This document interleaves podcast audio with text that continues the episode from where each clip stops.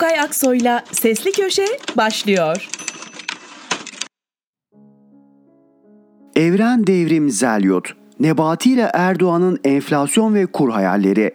Rus yazar Ivon Aleksandrovich Goncharov, Oblomov isimli eserinde şöyle der. Batıda hayaller gerçekleştirilmek için kurulur. Doğuda ise gerçeklerden kaçmak için. AKP ile ne hayallerimiz vardı? Milli hasıla 2 trilyon dolar olacaktı. Kişi başına gelir 20 bin dolara çıkacaktı. İhracat 500 milyar dolara vuracaktı. Bunları geçtim. Nebati ne diyordu? Kafayı koyup kalkacağız. 6 ay sonra bambaşka bir yöne gitmiş Türkiye göreceğiz. AKP'nin tüm hayalleri gerçeklerden kaçmak için vardır. 6 ay sonra ülkenin durumuna baktığımızda rezervleri eksi 63 milyar dolar, cari açığı ilk 5 ayda eksi 43 milyar dolar, net dış borcu 231 milyar dolar, enflasyonu Haziran ayında %78'e, üretici fiyatları ise %138'e varmış durumda. Son olarak Erdoğan ne diyor? Aralık ayında enflasyon düşecekmiş. Allah aşkına nasıl düşecek bir söyleyin de bilelim. Boş hayallere karnımız tok. Baz etkisiyle Aralık ayında gerileyecek fiyatları gösterip utanmadan bakın enflasyon düştü mü denilecek. Yahu enflasyon demek fiyatların yukarı doğru gitmesi demek. Baz etkisiyle geçen döneme göre artış hızının yavaşlaması ekmek ya da et fiyatlarını geri çevirmeyecek ki. O zaman neyin tantanasını yapıyorsunuz? Bakın bu enflasyon ancak hayallerde düşer. Size kalem kalem gerekçelerimi sunayım. 1. Turizm gelirlerinin aktığı BDDK kararı ile şirket kasasına elin atılıp doların alındığı bir ortamda bile dolar düşe düşe 16.80'e inmişse bu sonbaharda turizm girdisinin azalması ve enerji tüketiminin başlamasıyla kurda hareketi tekrar yukarı çevirir. Türkiye doğal gaz ve petrol tüketimini artırdığında daha fazla dış açık verecektir. Bu da dolar kıtlığında artış demektir. Ayrıca enerji fiyatları yukarı gidince enflasyon artmaz mı? Bakın hem cari açık artışı hem de fiyatların yukarı gitmesi liraya değer kaybettirerek kuru yukarı çekecek. Kur yukarı gitti mi ne oluyor? İğneden ipliğe her şeyi AKP ekonomi modelinde ithal eden Türkiye'nin maliyetleri artıyor. İşte bu nedenle enflasyonun yapısal olarak inmesi imkansız. 2.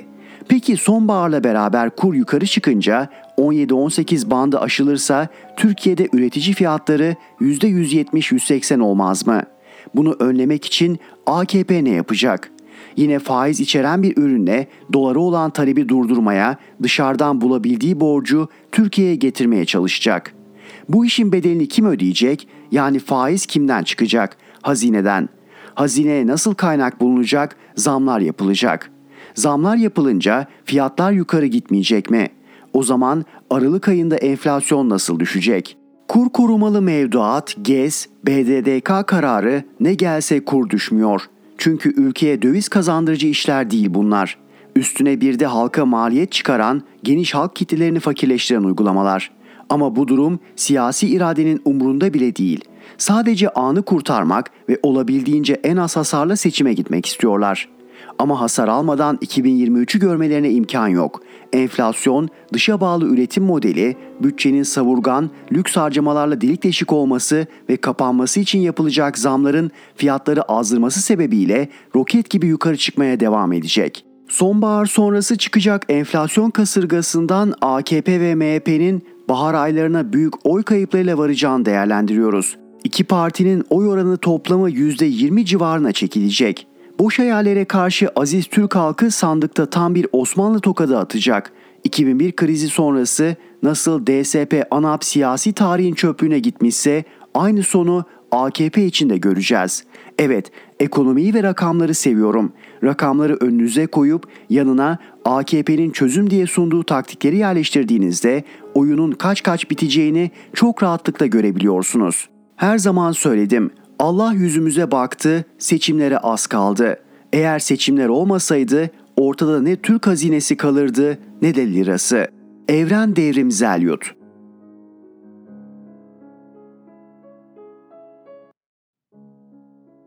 Fatih Altaylı Doğru enflasyon nasıl hesaplanır? Devletin resmi Haziran ayı enflasyonu açıklandı. %4.95. Yıllık enflasyonda %78.6'ya ulaştı.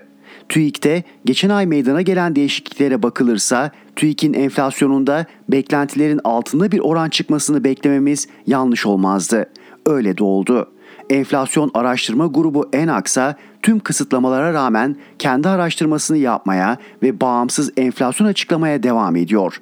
ENAK enflasyonu erken açıkladı ve Haziran ayı artışını %8.3, yıllık enflasyonu ise %175.55 olarak duyurdu. TÜİK resmi enflasyonu ne kadar gerçeklerden uzaksa bana göre ENAG'ın bu kez elde ettiği enflasyonda inandırıcılıktan o kadar uzak. Elbette ENAG'daki ekonomistleri yalancılıkla suçlamıyorum.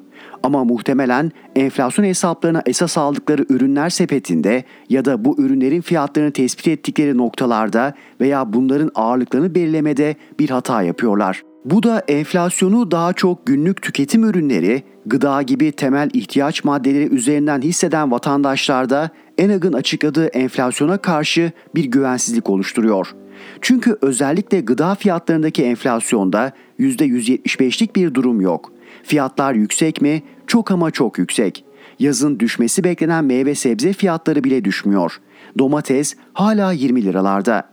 Biber 30, kiraz 50, bezelye 30, şeftali 25, armut 30, havuç 20, üzüm 30. Patates 10 TL'nin altına inmiyor.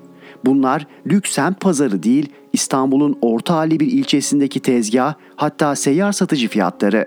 Peynir, zeytin, yağ fiyatları da öyle. Yüksek ama artış biraz da yaz etkisiyle durdu gibi. TÜİK vatandaşın hayatına çok az etki eden ürünler üzerinden enflasyonu düşük hesaplıyor. ENAK belli ki vatandaşın hayatına çok az etki eden ürünler üzerinden enflasyonu artırıyor. Hal böyle olunca da iki tarafta ortaya inandırıcılıktan uzak enflasyon rakamları koyuyorlar. Bense şöyle yapmaya karar verdim. ENAG'ın enflasyonuyla TÜİK'in enflasyonunu toplayıp ikiye bölüyorum. Gerçeğe en yakın galiba o oluyor. Şimdi 175.55'i bir kenara yazın. Ona TÜİK'in bu sabah açıkladığı 78.6'yı ekleyin. Çıkanı ikiye bölün. Hakiki enflasyon odur muhtemelen. Özgür Demirtaş'ın hatası. Ekonomi profesörü Özgür Demirtaş hocayı çok severim. Öyle yakından tanımam. Birkaç kez telefonda konuşmuşluğumuz, arada mesajlaşmışlığımız vardır. Severim dediysem uzaktan yani. Ekonomi bilgisini sınayacak, not verecek halimde yok ama düzgün bir insan olduğunu anlayacak kadar tecrübem var.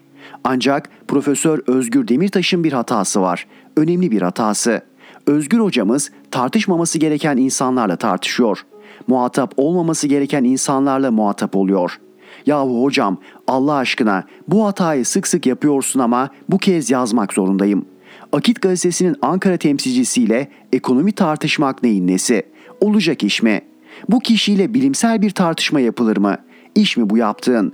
Hadi Mark Twain'in ünlü sözünü hatırlamadın, Bob Dylan'ı da mı duymadın? Ecce homo. Dikkatli okurların gözünden kaçmamış. 28 yıldır bu köşenin en altında yer alan bir başlığı sonunda değiştirdim. Ne zaman adam oluruz, şimdi artık ne zaman insan oluruz oldu. Sakın yanlış anlamayın, cinsiyetçi bir değişim değil bu.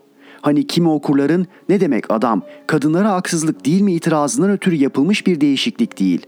Buradaki adam olma meselesinde cinsiyetçilik yoktu zaten.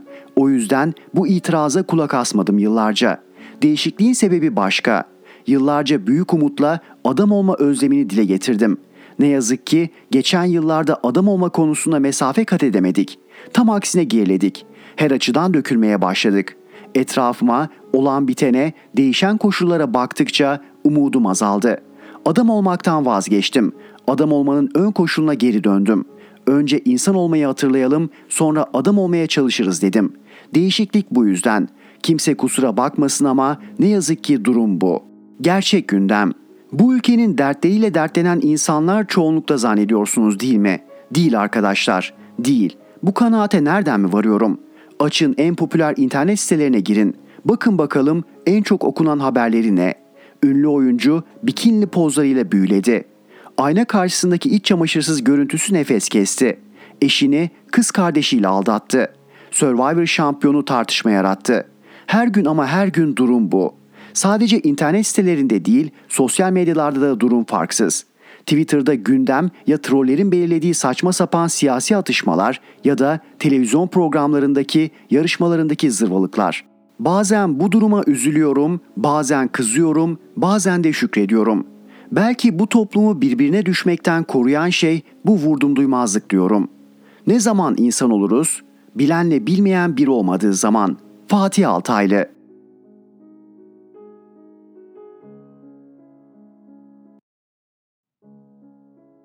Mehmet Tezkan, AKP viski içenlerin partisi oldu. Tatilde notlar birikti. Hangisinden başlayayım? Gümüşlük sahilde iki adam yüksek sesle konuşuyor. Ellerinde viski, ağızlarında puro. Biri ötekine abi bu iş iyi oldu dedi. Hangi iş dedi öteki? Dolar işi abi. Yırttım. Gazetecilik merakı dolar işi lafını duyunca kulak kabarttım. Bir yudum viskisinden aldı, başladı anlatmaya. 5 liradan 6 liradan dolar topladım. Elime geçen parayı dolara yatırdım. Sağ olsun Tayyip Bey 3'e katlattı. 18 lirayı görünce sattım. Nebati Bey devreye girdi.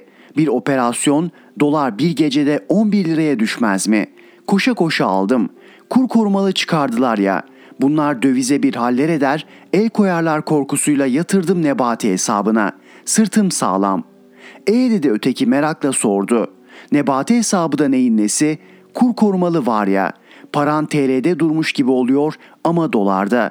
Nebati hesabı diyorlar. Viskisinden bir yudum daha aldı, prosunun dumanını havaya üflerken sordu. Sen ne yaptın abi? Abi dediği adam sandalyede doğruldu. Hafiften kıvrandı, anlatmakla anlatmamak arasında gitti geldi. Önce viskisinden bir yudum aldı, biliyorsun girişiyle söze başladı. Biliyorsun yeni ev aldım. Yengen çok ısrar etti. Sağlamcı. İkiz villaymış. İkisini de almalıymışız. Önü havuzmuş. Çoluk çocuk rahat edermişiz. Kafamın etini yedi. Mecbur aldık. Gerçi şimdi üçe katladı. Bizim hanım akıllı karı. Bunu söyler söylemez kahkahayı patlattı. Viskiden bir yudum daha alıp lafa yeniden girişti. Nebati hesabı diyorsun ya. Ben de şirket parasını Nebati hesabına yatırdım. Şirketin dövizde parası vardı. TL'ye geç, kur farkından vergi almayacağız dediler. Üstüne üstlük kurumlar vergisinden de muaf tuttular. Ballı börek. Anlayacağın benim de sırtım sağlam. Konuyu ilk açan hadi o zaman sağlığımıza dedi. Viskilerini tokuşturdular, sırtlarını yasladılar. Nereye mi? Erdoğan'ın kurduğu düzene tabii. Gerçek şu, AKP Erdoğan'ın partisi 20 yıllık iktidarlarının sonunda viski içenlerin partisi oldu. Viski içmeyip villada yalıda oturanların partisiydi zaten. 2022 Türkiye'sinin ekonomik durumu şu.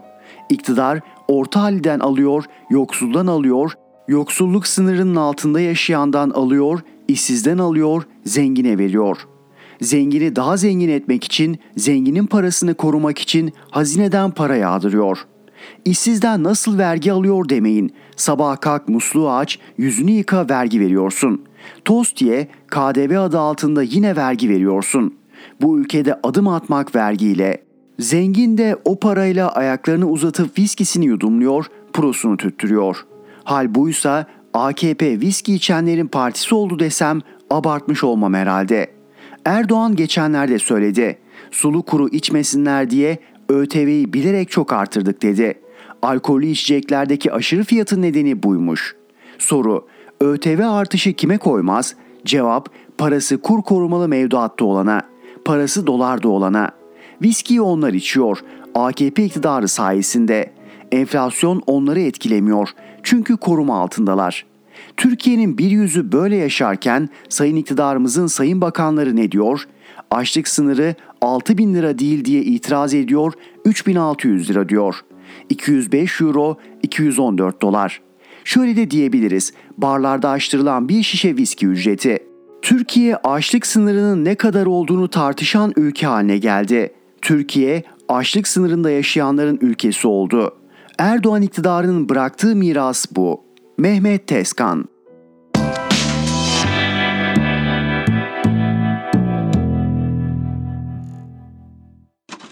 Erhan Gökayaksoy'la Sesli Köşe devam ediyor. Müjdat Gezen, Cüneyt abim. Bir insan bu kadar mı iyi olabilirdi? Onu çok pek çok sevdim ben. 60'lı yılların başlarında bir filmde buluştuk ikimiz. O filmin jönü ben kötü adamı. At üstündeyim. Beni tüfekle vuruyor. Ölüp düşeceğim attan. Bir türlü ölemiyorum ve bir türlü düşemiyorum.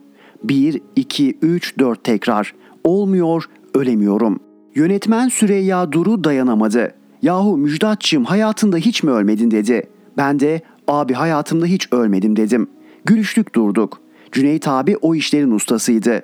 Bana nasıl vurulmam gerektiğini ve attan nasıl düşeceğimi öğretti. Çektik filmi oldu. Yıllar geçti. Onu üç oyunumda oynattım. Tiyatroya aşık oldu. Neden beni daha önce bu işle tanıştırmadın dedi.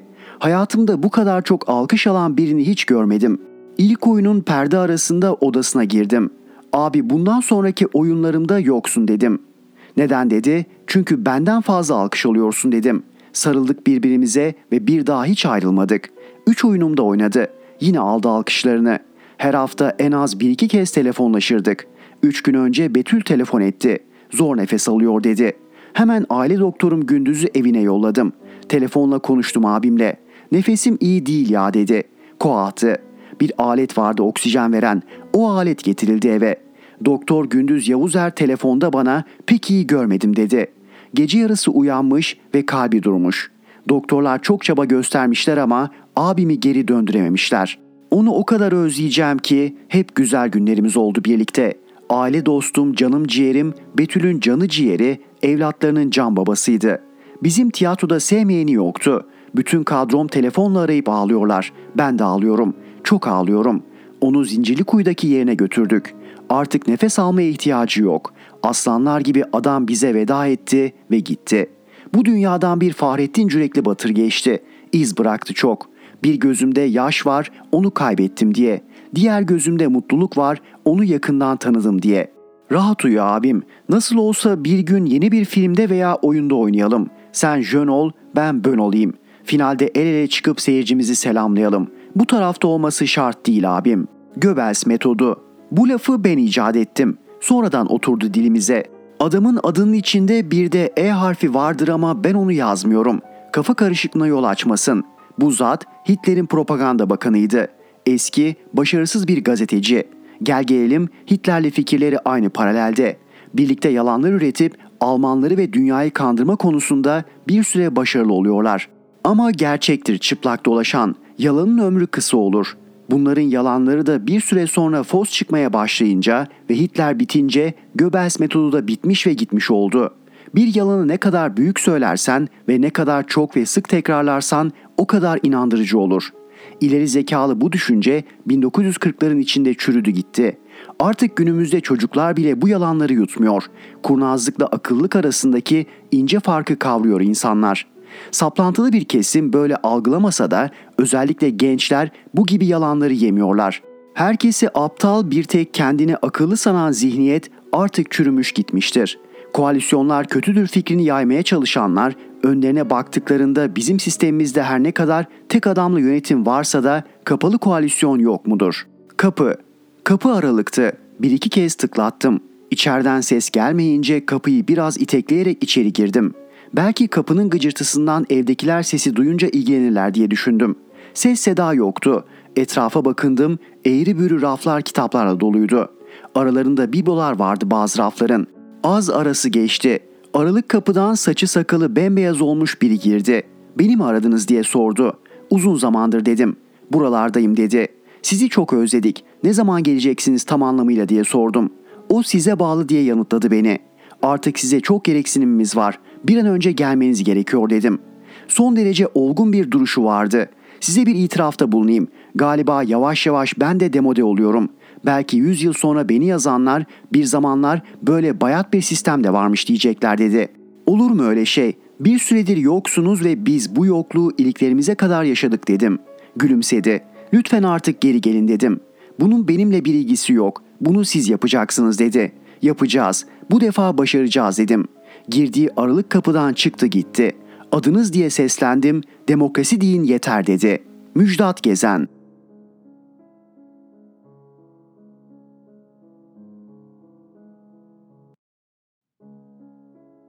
Orhan Uğuroğlu Erdoğan yapar, Bahçeli alkışlar. Pazartesi sabahı güne nasıl başladınız? millete gerçeği açıklayan enflasyon araştırma grubu olan ENAK açıklaması yıllık enflasyon %175.55. Haziran ayındaki tüketici fiyat endeksi artışı %8.31. AKP iktidarının sesi TÜİK açıklaması yıllık enflasyon %78.62.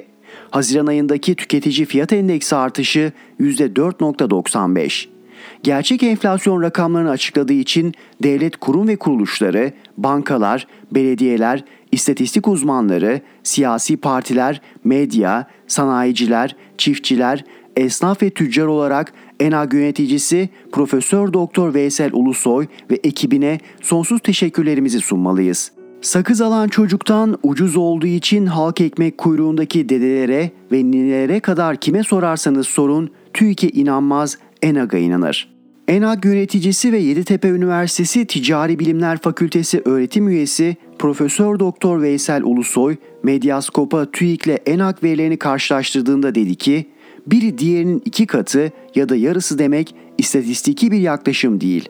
ENAG 7 milyon veriyle piyasada ne varsa olanı açıkladı. Fakat TÜİK cimri davrandı. Piyasadaki veriler halkın duygularıyla örtüştüğü zaman gerçeğe çok daha yakındır. Biz buna istatistikte örneklemenin popülasyona yaklaşması ya da popülasyon olması deriz. Bu gerçekle ENAK enflasyon popülasyonunun tüm verilerini halkın duygularıyla birleştirmiş gözüküyor ve açık bir şekilde de istatistiklerini yayınlıyor.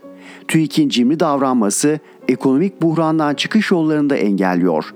Zira ücretlere zam TÜİK verilerine göre yapılıyor. Bu zam doğru bir zam olmadığı için alım gücü devamlı düşüyor yani sürekli fakirleşiyoruz. Bu da rafların boşalmaması ve bunun sonucunda üretimin artmaması anlamına geliyor. Benim ekonomi bilgime göre milli gelirin %65'ini oluşturan tüketim harcamalarının kaynağı olan reel gelirde erime var ve bu erime ekonomik krizde kalmamızın en önemli sebeplerinden biri. Memur ve emeklilere de %40 zammı yani Ulusoy Hoca'nın deyimiyle sürekli fakirleşmeyi layık gördü. Önce altılı masada yer alan liderlere şunu önereyim. Haziran 2023'te iktidar olur olmaz TÜİK başkanlığına Profesör Doktor Veysel Ulusoy'u atasınlar. Böylece TÜİK'in gerçek enflasyon rakamlarını açıklamasını sağlarsınız. Milleti fakirlikten kurtarmak için gerçek enflasyon rakamlarını kullanarak kamu memuru ve işçisine, asgari ücretliye, emeklilere hak ettikleri zamları verirsiniz.'' Ulusoy Hoca'nın Mayıs ayı başındaki bu açıklamasının üzerinden tam 60 gün geçti.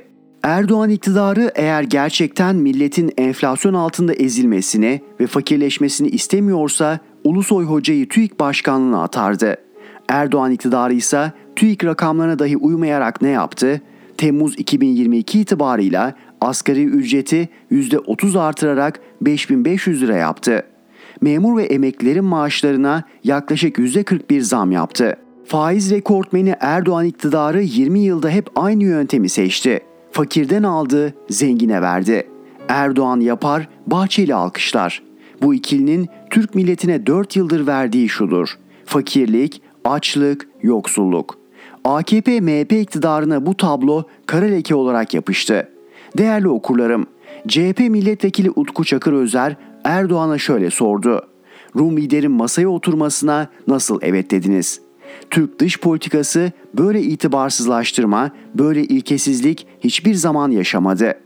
AK Partili ve MHP'li yurttaşlara seslenen değerli meslektaşım Çakır Özer özetle şunları söyledi. Selman'ın ziyareti böyle, Kaşıkçı davasının kapatılması böyle. Darbenin arkasına dediğiniz Birleşik Arap Emirlikleri ile sıvap kucaklaşması böyle. İşte milliyetçiyiz diyen, milli politika izliyoruz diyen saray yönetiminin izlediği politika bu. Rum lider NATO yemeğinde olacak ve bu Türkiye'nin rızasıyla olacak. Bugün gayri resmi toplantıya oturan yarın resmi toplantıda sandalye ister. Madem rica üzerine Rum kesimini oturtuyorsunuz NATO yemeğine, o zaman aynı ricayı Avrupalı dostlarımızdan istemek bizim hakkımız. AB zirvesine Kuzey Kıbrıs Türk Cumhuriyeti Cumhurbaşkanı Ersin Tatar'ı oturtun, biz de helal olsun size diyelim. Böyle bir ilkesizlik, böyle bir itibarsızlaşma hiçbir zaman yaşamadı Türk dış politikası. Rumların bizim onayımızla bu yemeğe katılıyor olması kabul edilemez. Rum kesiminin Madrid'deki yemeğe davet edilmesine Ankara'nın onay vermesi büyük aymazlıktır. Berlin Plus anlaşmasına göre katılamazlar. Türkiye Berlin Plus ilkelerinden geri dönemez. Milli dış politika böyle olmaz. Dış politikada artık bu itibarsızlaşmaya son vermemiz gerekiyor. Millet İttifakı iktidara geldiğinde Türkiye yeniden onurlu, itibarlı dış politikasına geri dönecektir. Yurtta sulh, cihanda sulh temel ilkemizdir. Ama bize düşmanlık yapanlara karşı bir gün öyle bir gün böyle olmaz. Değerli dostum Çakır Özer 2018'den bu yana tiyatro ne yazık ki şöyle. AKP iktidarı yapar, MHP seyreder. Erdoğan yapar, Bahçeli alkışlar. Bil ki ilk seçimde bu millet her ikisini de dışlayacak. Orhan Uğuroğlu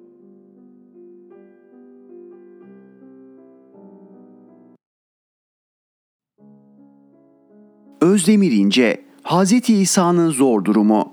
Değerli okurlar, günümüz ortamına çok yakışacağını düşündüğüm 8 Ağustos 2004 günü Hürriyet gazetesinde yayımlanan Hz. İsa'nın zor anı adıyla yayımlanan yazının bir bölümünü ısıtıp masanıza koyuyorum.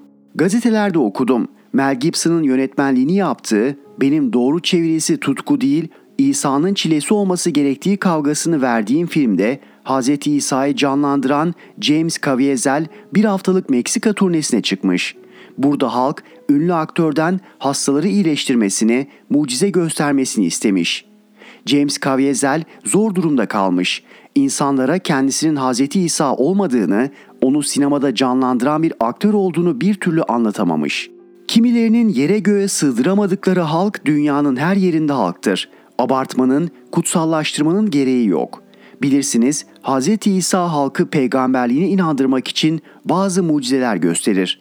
Suyu şaraba dönüştürür, körün gözünü açar, kötürümü yürütür. Bunlar abrakadabraya elverişli işler. Bir şiirimde bunlar kolay şeyler. Sıkıysa mayında ayağı kopmuş askerin ayağını yerine tak demişliğim vardır.'' Meksika'da aktörü bizzat İsa sanan Katolik halkın Türkiye'deki Müslüman birader ve hemşireleri şeyhlerin boklu tumanlarını bağrına bastırıyor. Son günlerde iyice azdılar, koskoca Ayasofya'yı çıtır çıtır yemeye başladılar. Deve sidiğini kaldıran mideye Ayasofya'nın taşları vız gelir.'' 2 Temmuz 2004'te Hürriyet Kelebek'te Nurettin Kurt imzasıyla yayınlanan habere göre Kaderi tarikatının müritleri şeyhlere izin vermeden iş yerleri açamazlarmış, evlenemezlermiş, dahası çocuk sahibi bile olamazlarmış. Müritlerin kızları Şeyh Efendi'ye hizmet edebilmek için birbirleriyle yarışırlarmış. Bunları anladık diyelim. Peki şeyhin evini temizlemek, çamaşırlarını yıkamak neden en büyük ibadet olsun?'' İslam'da ibadet türleri ve bunların sayıları belli değil mi? Nurettin Kurt arkadaşımızın haber metninden olduğu gibi aktarıyorum. Şey, müritlerin gözünde ulaşılmayan bir varlıktır. Şeyhin berberde kestirdiği saçlarını, kestiği tırnaklarını toplayıp saklayan bile vardır. Bir gün sohbet toplantısının ardından şeyh çay içmişti. Tekrar çay getirmesi için bardağı uzattığında bardağın dibinde kalan çayı içmek için müritler birbirine girdi.'' Yine bir gün şeyh kendisinin aldığı iç çamaşırı küçük gelince değiştirilmesi için geri gönderdi. Ama iç çamaşırı geri gitmedi. Müritler arasında öpüp koklandıktan sonra bir mürit satın aldı. Zaten şeyhin bir eksiği olduğu zaman ortaya söylerdi, müritler anında yerine getirirdi. Siz kimilerinin profesör, avukat, mühendis, doktor olduklarına ve adlarının önüne bu sıfatları yazmalarına bakmayın.'' aktörü Hz. İsa sananlar ve şeyhin donunu sancaklaştıranlar arasında onlar da vardır. İşte halkın önemli bir bölümü bu çap ve kırattadır. Bu kesim halkın nabzına göre şerbet veren siyasetçiye popülist denir. Halkçı siyasetçi bu tortu insanları gerçekten halk yapmak için okullar açmak zorundadır. Şeyhin boklu donunu öpen yaratık gerçek halkın kaderine nasıl ortak olabilir?'' Ellerindeki, duvarlarındaki koca koca üniversite diplomalarına karşın şeyhlerin abdest suyunu içenlere olsa olsa köle denir. Bir önceki yazımda popülizmle halkçılık arasındaki önemli farkı anlatmaya çalışmıştım. Popülist siyasetçi halk olma bilincinden yoksun bu yığışımı kaz gibi yolmak, koyun sürüsü gibi gütmek için AKP kılığına girer. Özdemir İnce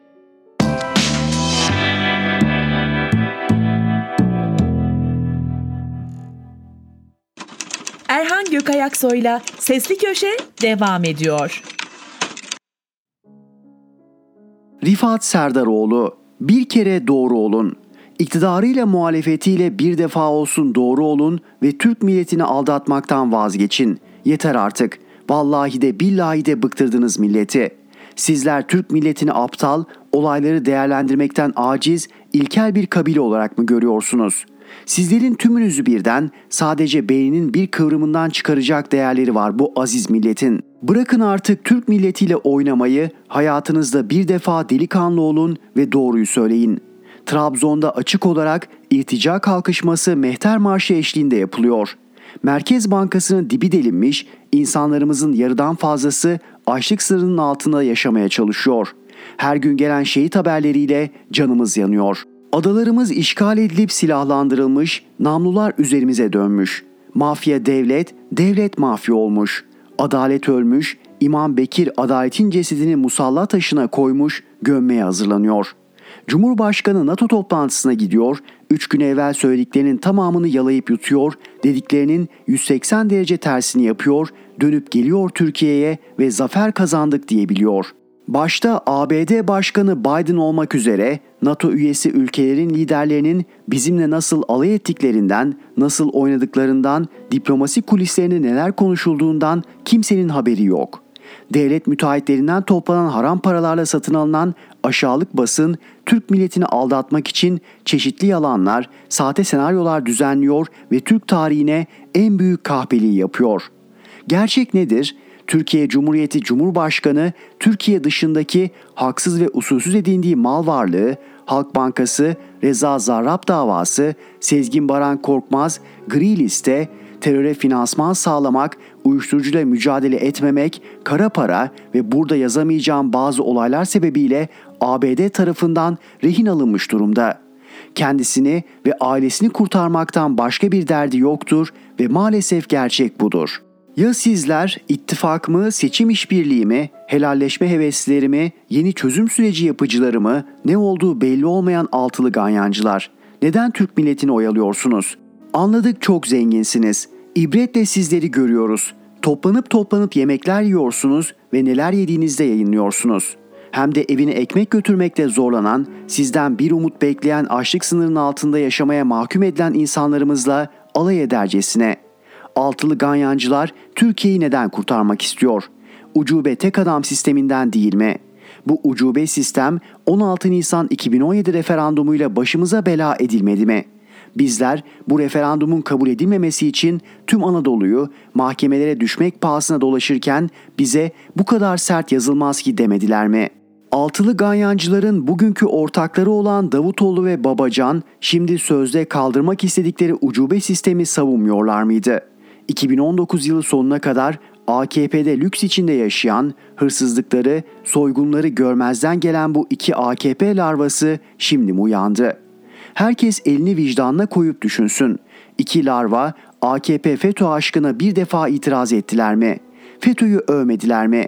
Tarikat ve cemaatlerin devleti ele geçirip soymalarına bir defa itiraz ettiler mi? AKP, FETÖ, CIA Türk ordusuna kumpas kurarken kahkahalarla izlemediler mi? 17-25 Aralık hırsızlık, yolsuzluk, rüşvet pisliğine bulaşmış bakanları yargıdan kaçırmadılar mı?'' sığınmacılar belasını başımıza Davutoğlu sarmadı mı? Hala sığınmacılar kalsın demiyor mu? 15 Temmuz'da köprüde kafaları kesilerek katleden askerler için yargıyı kilitlemediler mi? Cumhuriyetin tüm eserlerini 3.30 paraya babacan satmadı mı? Ülkemizin dış borcunu üçe katlayan, bizi İngiliz bankerlerine soyduran babacan değil mi?'' Babacan ortam uygun olunca anayasanın değiştirilemez maddelerini değiştiririz demedi mi? Bu iki larvadan bir defa Türk milleti Atatürk dediklerini duydunuz mu? AKP gibi bunlar da HDP PKK ile iş tutmuyor mu? Şimdi bunlar mı Türk milletini AKP çetesinden kurtaracak? Hadi lan yürü git. Aziz Türk milleti, senin için canını vermeye hazır evlatların olarak çok sayıda parti bir araya gelip ülkem Türkiye ittifakını kuruyoruz.'' Bize destek verirseniz CHP ve İyi Parti hem bu larvalardan hem de HDP PKK boyundurundan kurtulur. Yoksa HDP'nin destekleyeceği kişi Cumhurbaşkanı olur. Bu da Türkiye'nin fiilen bölünmesine başlanılması demektir. Karar da senin, takdir de senin. ya kaderine el koyarsın ve çağdaş Atatürk Cumhuriyeti'ne sahip çıkarsın ya da İran'daki gibi bir din devleti çukuruna düşersin.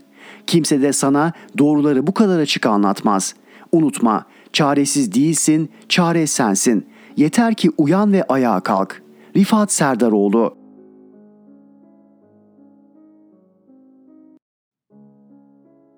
Timur Soykan, o marinada kaçak inşaat. Bodrum Yalıkavak Marina Akdeniz'in hatta dünyanın en gösterişli yat limanlarından biri. Arap şeyhlerinin, oligarkların, dünyanın en zengin isimlerinin mega yatları her yaz marinaya yanaşıyor. Eskiden halkın balıkçılık yaptığı, denizde yüzdüğü alan artık zenginlerin şaşalı vahası. Modern mimari örneği marina, en pahalı mağazalar, milyonlarca dolarlık araçların dizildiği galeriler, fiyatları dudak uçuklatan lokantalarla dolu.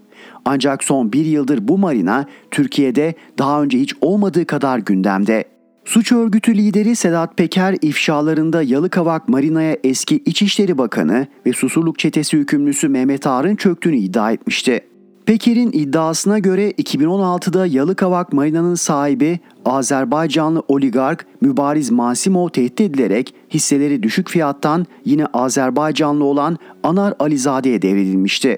Perde arkasında Mehmet Ağar vardı ve oğlu Tolga Ağar Marina'nın yönetim kurulu üyesiydi. 2018'de oğlu AKP'den milletvekili seçilen Mehmet Ağar Marina'nın yönetim kurulu başkanı olmuştu. Marina'nın satışının iptali için dava açan Masim olsa FETÖ üyesi olmak suçlamasıyla 2020'de tutuklanmıştı. Bir yıl tutukluk aldıktan sonra 5 yıl hapis cezası verilerek tahliye edilmişti. Peker, Mehmet Ağar'ın büyük yatlarla marinadan uyuşturucu ve insan kaçakçılığı yaptığını öne sürüyordu. Mehmet Ağar ise Sözcü'den Saygı Öztürk'e verdiği röportajda iddiaları yalanlamıştı. Bugün eğer buraya mafya giremiyorsa bizim burada olmamızdandır sözleri İçişleri Bakanı Süleyman Soylu'yu kızdırdı.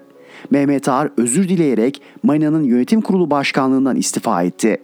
Masim olsa Bodrum'da görülen Marina davasını kaybetti. Bu kadar büyük iddialar, skandallar ortalığa saçılmışken insan en azından Marina'nın bir süre sessizliğe gömülüp suların durulmasını bekleyeceğini düşünüyor değil mi? Ama değil. Burası yeni Türkiye. Tüm gözler üzerinde olsa da kimin umrunda? Bodrum Yalıkavak Marina'da 5 aydır ruhsatsız şekilde inşaat yapılıyor.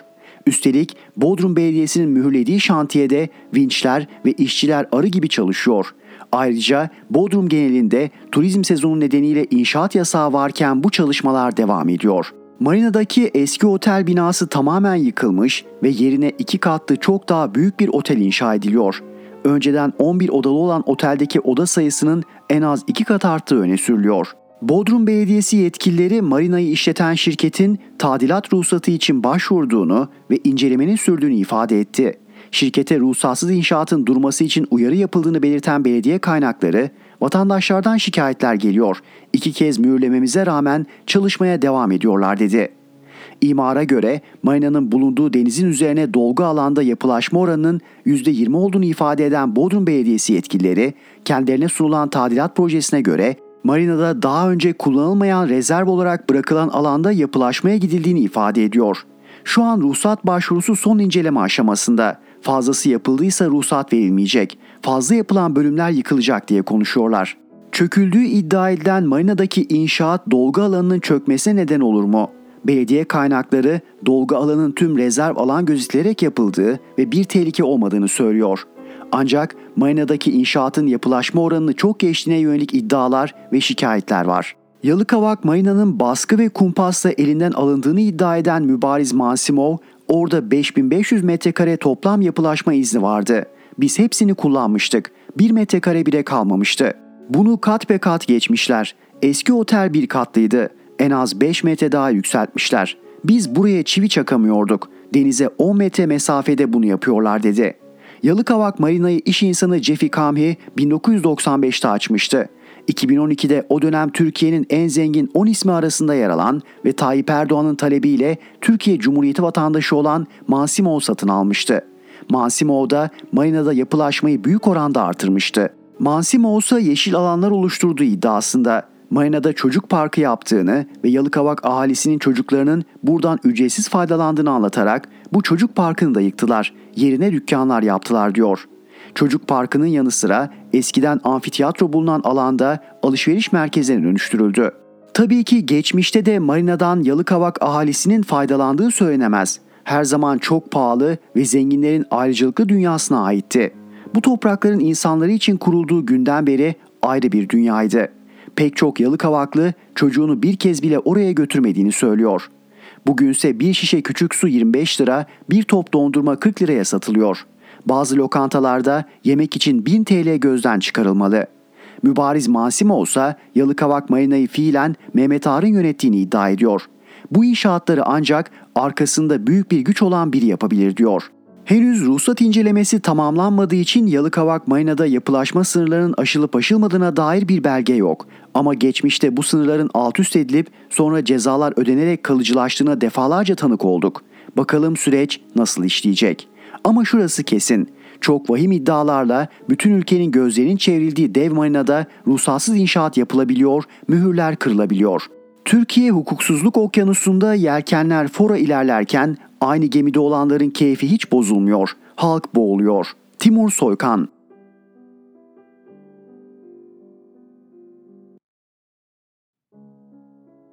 Zeynep Gürcanlı Buğday meselesi Mısır'dan bir haber. Dünyanın en çok buğday ithal eden ülkelerinden olan Mısır'da buğday kıtlığı sebebiyle ekmekler patates kullanılarak yapılmaya başlandı. Rusya'nın Ukrayna'yı işgalinin binlerce kilometre uzağındaki Mısır'da yarattığı somut sonuç bu. Dünyanın buğday silosu görevi yapan iki ülke savaşı tutuşunca küresel anlamda buğday kıtlığı baş gösterdi. Yeni alternatifler aranmaya başlandı. Ancak Ukrayna ve Rusya'nın bu alandaki boşluğunu doldurmak kolay değil. O yüzden de savaş ortamında bile Ukrayna'nın ürettiği tarım ürünlerinin deniz yoluyla dünyaya ulaştırılmasının önü açılmaya çalışılıyor. Ukrayna savaş öncesinde ayda yaklaşık 5 milyon ton buğday ihraç ediyordu. Savaşla birlikte bu rakam önce 1.2 milyon tona düştü. Şu aralar tren hatları ve karayolu kullanılarak yapılan ihracatla aylık rakam yaklaşık 2 milyon tona çıkarılmış durumda. Ancak savaş ortamında tren yolu ya da karayolunun kullanımı da güvensiz. Rusya her an bir köprüyü kritik bir kavşağa vurabilir. Dolayısıyla buğday ihracatında iş dönüp dolaşıp yine deniz yoluna geliyor. Ukrayna buğdayının deniz yolculuğunda da Karadeniz'i sıcak denizlere bağlayan boğazları kontrol eden Türkiye'nin rolü ve önemi büyük. Ukrayna ve Rusya limanlarından çıkacak dev kargo gemileri önce Türk karasularına girecekler. Ardından İstanbul ve Çanakkale boğazlarını geçerek Ege'ye uluslararası sulara ulaşacaklar. Bu yoldaki en büyük sorun Ukrayna'nın Rus savaş gemilerine karşı limanların etrafına döşediği mayınlar. Mayınların kaldırılması konusunda Ankara son derece aktif, Rusya ve Ukrayna ile bu konuda mekik diplomasisi sürüyor. Ancak bu konuda diplomatik çevrelerde ülke güvenliğini tarım ürünleri ihracatından daha kritik önemde bulan Ukrayna'nın daha çok ayak süreyen taraf olduğu konuşuluyor. Mayınların kaldırılması halinde limanlarının Rusya'nın saldırılarına iyiden iyiye açık hale geleceğine inanan Ukrayna yönetimi belli ki işi ağırdan alıyor. Türkiye'nin önerisi tümü olmasa bile limanlardan kargo gemilerinin çıkabilmesini sağlayacak bir koridor boyunca mayınların kaldırılması. Ardından da Ukrayna limanlarına girip çıkacak gemilerin bu ülkeye silah, mühimmat ya da paralı asker taşıyıp taşımadığının kontrol edilmesi için bir uluslararası mekanizma kurulması. Bu çerçevede asıl yükü de yine Türkiye'nin üstlenmesi gündemde. Montreux Antlaşması sebebiyle Karadeniz'e kıyıdaş olmayan ülkelerin askeri gemilerinin boğazlardan giriş çıkışında da Karadeniz'de bulunma sürelerinde de ciddi kısıtlamalar bulunuyor. Bu nedenle Ukrayna limanlarına ulaşımı açacak olan koridorun denetlenmesinde en büyük görev Türk uzmanlara ve Türk gemilerine düşüyor. Ancak Karadeniz dışı ülkelerden gemi gelmese bile Türk gemilerinde görev yapacak Avrupalı uzmanlarla denetim kuvvetine uluslararası bir çeyre kazandırılması da gündemde. Daha şimdiden Fransa ve İtalya eğer bu konuda uzlaşma sağlanırsa görev için uzman göndermek konusunda gönüllü oldular bile. Ancak iş bununla da bitmiyor. Bir de çalıntı buğday iddiaları var. Uluslararası camiada Rusya'nın Ukrayna'da işgal ettiği bölgelerden topladığı buğdayı kendi buğdayıymış gibi işgal ettiği limanlar üzerinden satmaya başladığına ilişkin iddialar giderek yaygınlaşıyor. O kadar ki adli bilişim gazeteciliği yapan uluslararası medya kuruluşları uydu görüntüleri ya da gemi ve uçakların izledikleri rotalar gibi açık kaynakları kullanarak silodan kargo gemisine kadar buğdayın izini sürmeye başladılar. Böylece Rusya'nın sattığı buğdayın kendi üretimi mi yoksa Ukrayna'da işgal ettiği bölgelerden aldığı buğday mı olduğu belirlenebiliyor. Nitekim bu konudaki son olay Türkiye'yi de yakından ilgilendiriyor. BBC'nin açık kaynakları kullanarak izlediği tonlarca Ukrayna buğdayı Rusya'da üretilmiş gibi gösterilerek bir Rus kargo gemisiyle Karadeniz'e açıldı. Haberin yayınlanması üzerine Ukrayna makamları harekete geçerek Türk makamlarını uyardı. BBC'nin Ukrayna makamları tarafından da paylaşılan iddiasına göre Zibek Zole adlı kargo gemisi Rusya'nın Novorossiysk limanından hareket ettikten sonra Rus işgali altındaki Berdyansk adlı Ukrayna limanına yanaştı. Ardından da yine Ukrayna makamlarının iddiasına göre buradan yüklediği Ukrayna buğdayını satıldığı yere ulaştırmak üzere yola çıktı. Ukrayna'nın girişimi üzerine Türk makamları gemiyi Sakarya Karasu açıklarında durdurdu. Ancak bu yazı yazıldığı saatlerde henüz Türk makamlarının Ukrayna'nın isteğine uyup da gemideki yüke el koyduğuna ilişkin bir açıklama yoktu. Belli ki Türkiye kendi araştırmasını yapıyor. Bir başka sıkıntı ise gümrük vergilerine ilişkin. Rusya işgal ettiği bölgelerdeki limanları ticaret için kullanmaya başladı. Ancak bu limanlardan yüklenen gemilerin gümrük vergisini kime ödeyeceği uluslararası hukuk ve ticaret açısından büyük sıkıntı yaratıyor. Ruslar gümrük vergilerinin limanları Rus askerleriyle birlikte kontrol eden, Ukrayna'dan ayrılmak isteyen Donetsk bölgesi yetkililerine ödenmesinin yeterli olduğunu savunuyor. Ukrayna ise Donetsk'in işgal altında da olsa kendi toprağı olduğunu vurgulayarak buna karşı çıkıyor. Bu belirsizlikte Ukrayna'nın işgal altındaki limanlarını kargo gemileri açısından zehirli meyve haline getiriyor. Türkiye'nin ikilemi de burada yatıyor. Rusya ile Ukrayna arasında ateşkes için ya da savaş sürerken insani gereklilikler ya da ticaretin devam edebilmesi için ara buluculuk yapan Ankara tek bir gemi yüzünden bile diplomatik çıkmaza girebiliyor. Çok dikkatli olmak gerek. Zeynep Gürcanlı